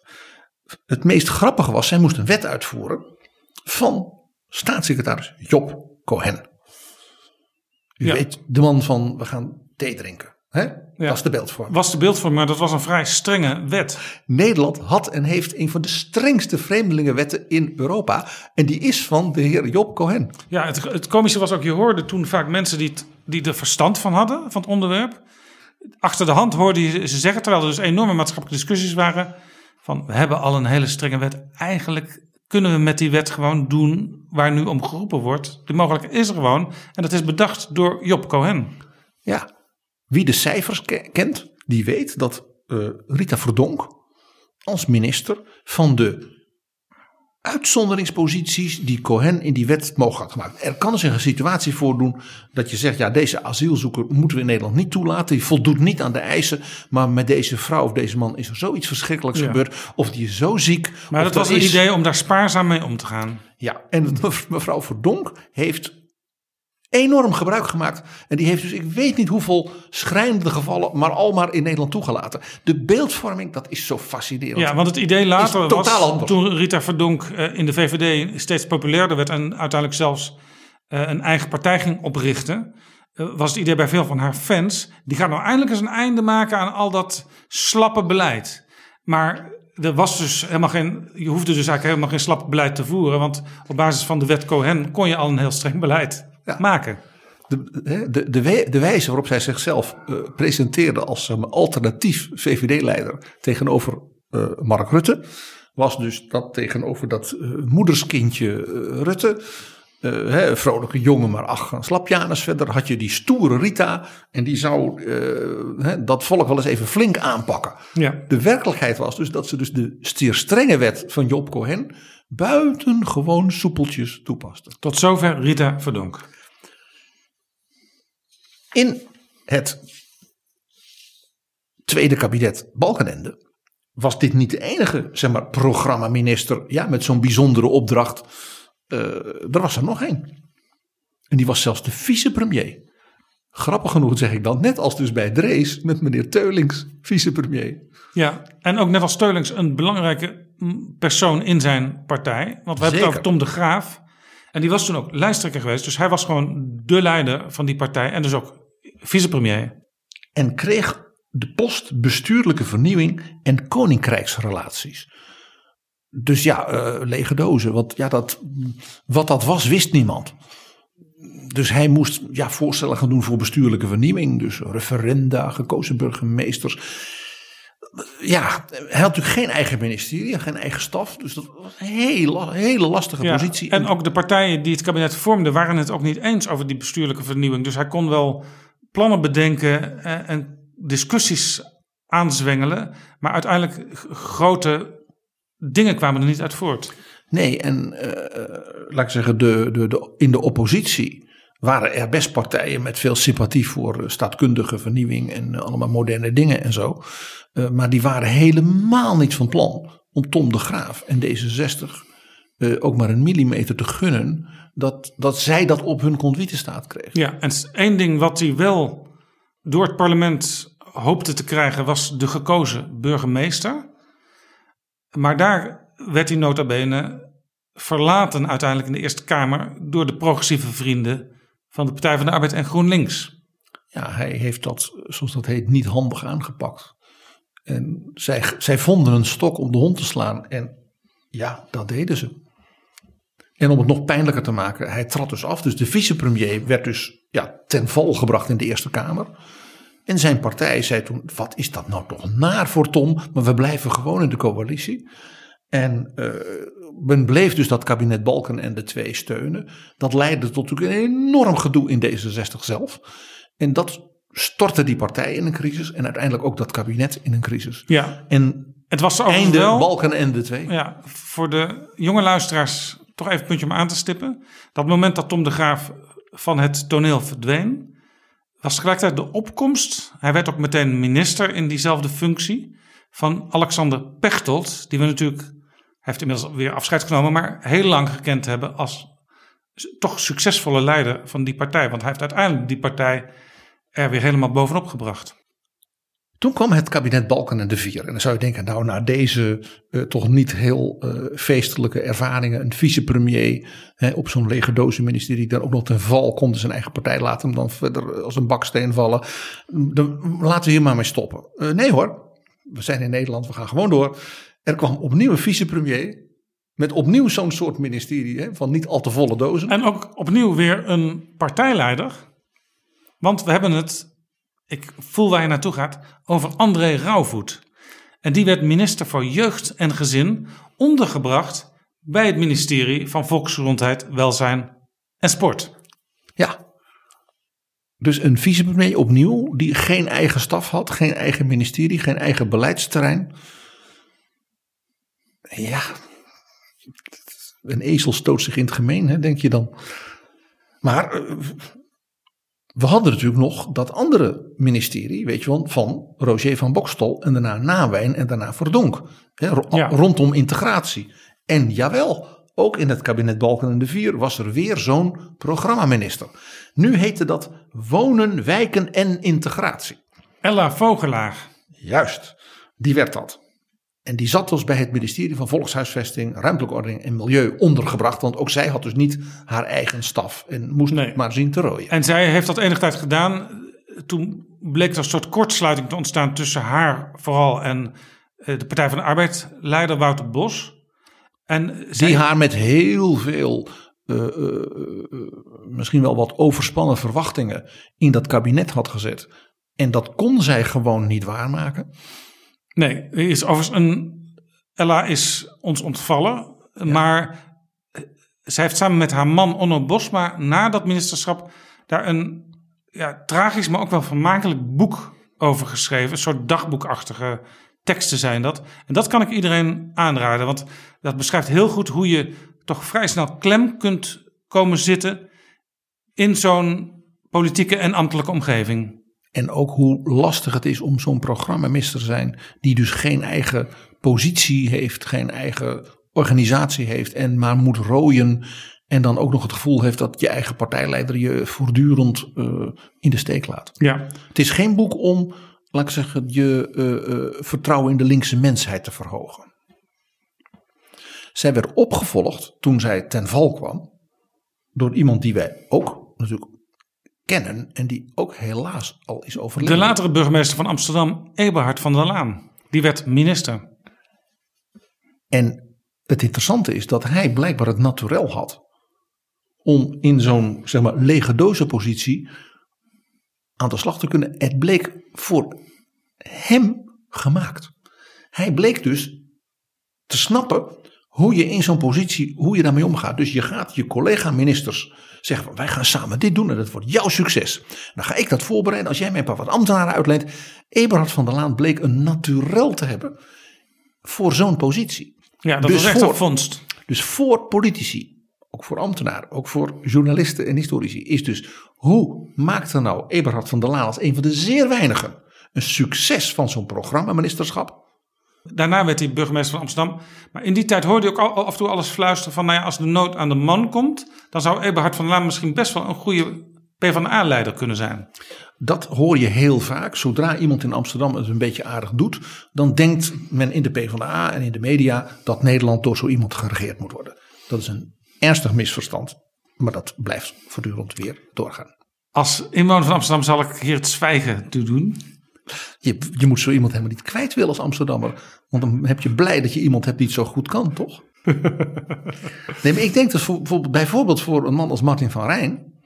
Hè, in zo'n crisissituatie waarbij je hè, zo'n post hebt. Dat de ervaringen, je zou bijna kunnen zeggen de, de behendigheid en de, het gedurfde van Eberhard van der Laan. Een geweldige inspiratiebron zou zijn. Dus te, eens te meer jammer dat hij niet meer leeft. Ja, het leuke van, van Eberhard van der Laan was, ik heb hem in die ministerstijd ook wel eens meegemaakt. Eh, hij liep altijd een beetje verfromfraaid rond met een checkie in zijn hand. En, Joop den Uil. en je- maar je zag hem den eigenlijk nooit gestrest eh, van eh, wat moet ik zo gaan zeggen op televisie of zo. Nee, hij ging rustig zitten en hij deed het altijd goed. Ja, zo'n zo'n gave. Wat ik, zei, die man had een naturel om in zo'n positie, die dus heel lastig is. We hebben het eigenlijk over alleen maar mislukte programmaministers gehad. is vrij tragisch. eh, En dan is er één en die valt in, ook nog. En die maakt er wat van. En het leuke was toen hij burgemeester was, kon hij ook wel eens heel streng uit de hoek komen. En dat gezag werd ook meteen geaccepteerd. Om dan daarna voor ons weer buitengewoon gemoedelijk. eh, degene die die bestraffend had toegesproken. Eh, even hè, in zijn arm te knijpen. En dat moet je ook kunnen. Ja, hij had vaak een, een soort wat kribbige relatie in de gemeenteraad met Jan Paternotte, die toen een jong talentvol eh, raadslid was in Amsterdam van D66 en nu Kamerlid. Je moet dat soort jonge, ambitieuze linksliberalen ook zo kribbig als maar kan behandelen. Dat is alleen maar goed voor ze. Nou zou je zeggen, na al die kabinetten Balkenende met die programmaministers, nou dan komt Rutte en dat is een jonge, nieuwe, dynamische liberaal, de eerste in een eeuw als premier, die stopt daarmee.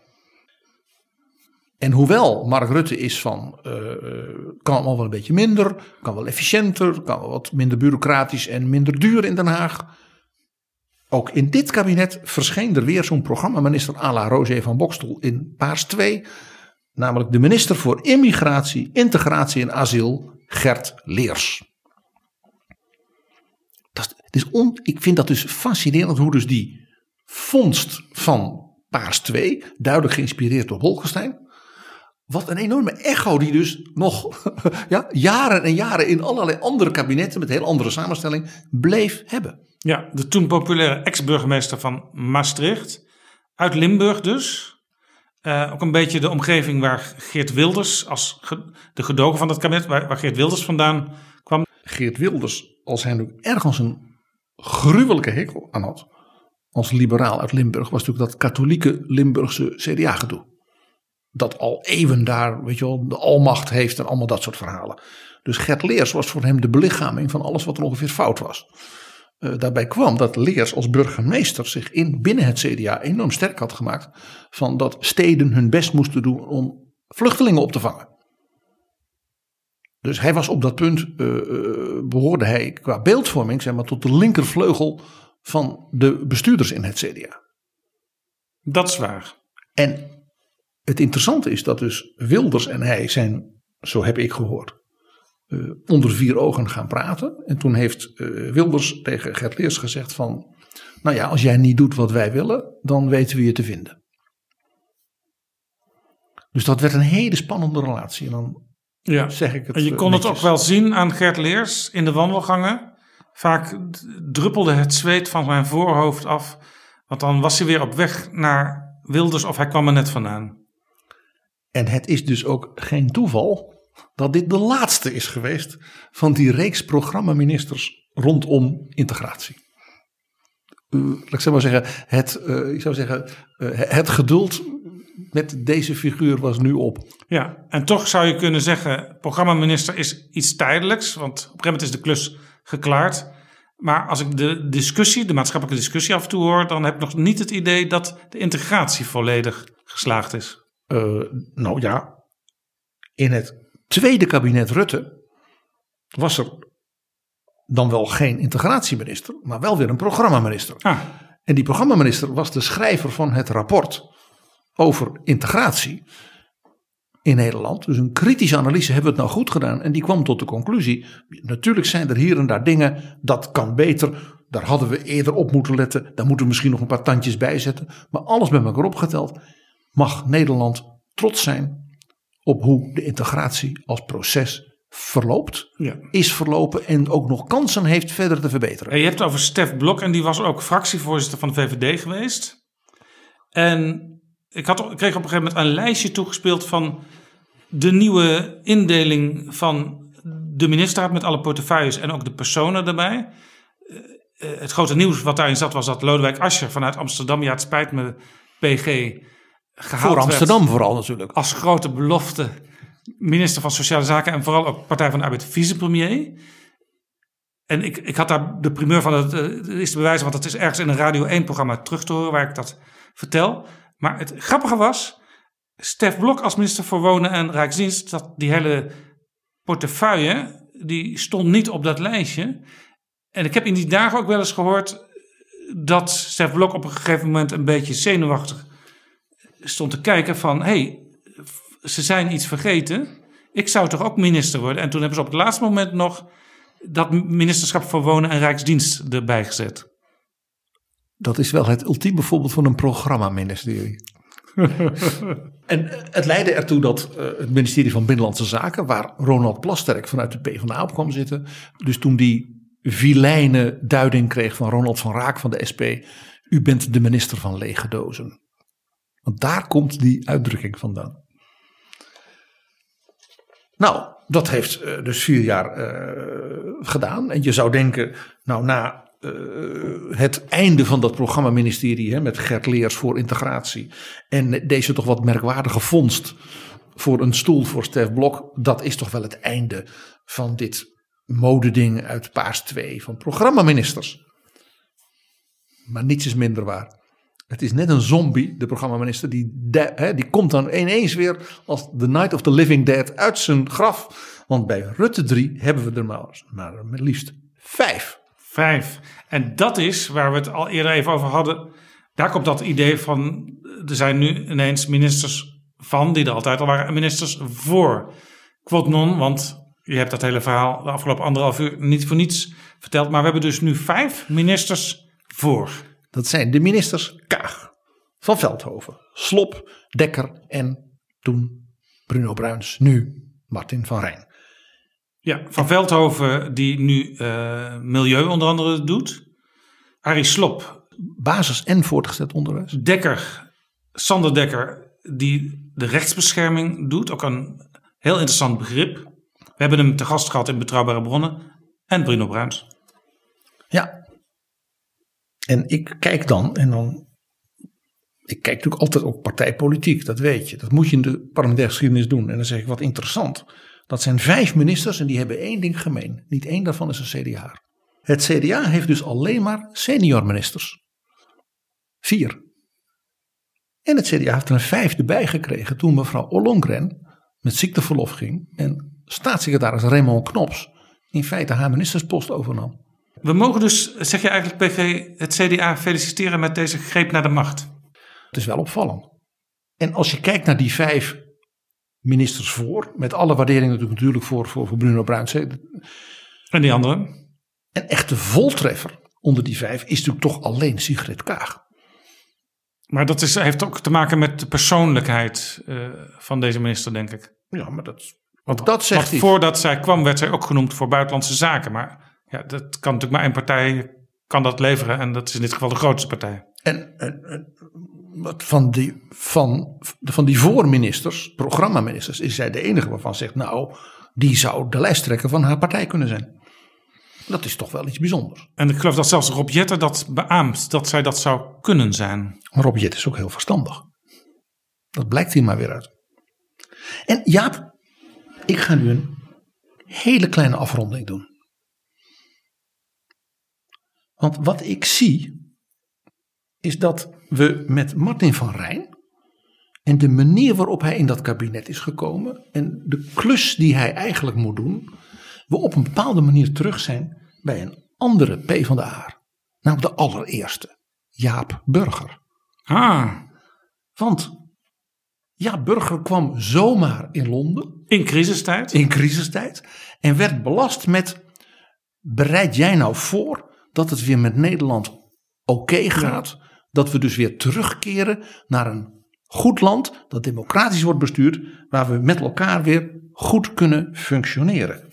En ja, Martin van Rijn, zijn klus is mede erop gericht om ervoor te zorgen dat we door die crisis komen en het daarna met Nederland weer voorwaarts gaat. Dat is wel een hele mooie manier, PG, om na anderhalf uur de cirkel rond te maken. En dan een klein uh, mooi vooruitzicht wellicht voor Martin van Rijn.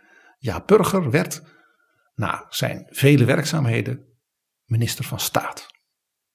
Wie weet gunt men dat Martin van Rijn te zijner tijd ook. Zullen we dan eindigen, PG, met het volgende? Betrouwbare bronnen wensen Martin van Rijn veel succes. Absoluut. Dankjewel.